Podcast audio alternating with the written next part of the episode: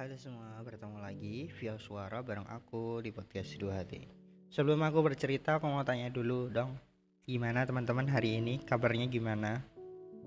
Baik-baik saja atau ada cerita apa? Boleh kok kirim cerita teman-teman di Instagram aku Dua Hati Podcast. Nanti aku bacain kisah-kisah teman-teman. Siapa tahu kita bisa berbagi cerita dengan dengan orang lain Oke, langsung saja aku mau bercerita untuk malam ini. Sudah siap mendengarkan? Oke, aku mulai bercerita.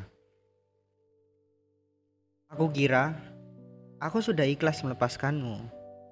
Ternyata aku hanya sedang terbiasa menerima luka yang sangat menyakitkan. Padahal waktu sudah berlalu lama sejak kepergianmu kala itu. Namun ternyata perasaan ini masih belum menemukan selesai. Aku telah mengikuti semua alur patah hati ini. Hingga terkadang lupa bahwa sesekali aku pun perlu untuk mengasihi diri sendiri. Sebab aku berharap jika patuh terhadap takdir Tuhan, aku segera dipertemukan dengan lega untuk kembali memulai hal-hal baru yang lebih indah.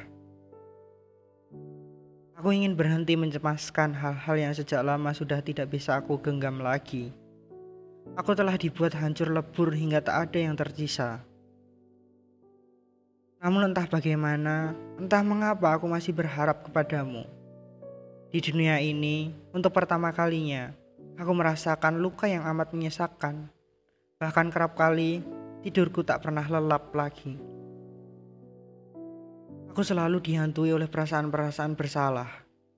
Sebab aku tak memiliki kemampuan untuk mempertahankan seseorang yang aku cintai dengan tulus. Meski aku tahu, aku memang tak pernah mampu mengendalikan perasaanmu.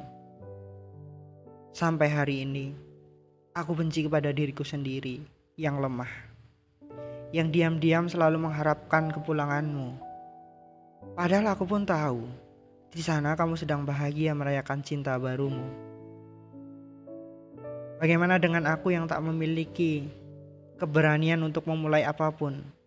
Setiap hari, aku hanya menghibur diri dengan kata baik-baik saja. Sedang sesungguhnya, setiap malam aku selalu menangisi diriku yang sudah tidak berbentuk sebagai aku. Tuhan, jika lega itu ada, di mana letak ia berada? Aku sangat lelah selalu ketakutan, padahal tidak ada yang sedang menyakitiku. Aku hanya ingin sembuh Tuhan. Sama seperti dia yang telah sembuh dan lebih bahagia. Demikian episode malam ini. Sampai jumpa di episode podcast Dua Hati minggu depan. Terima kasih sudah mendengarkan.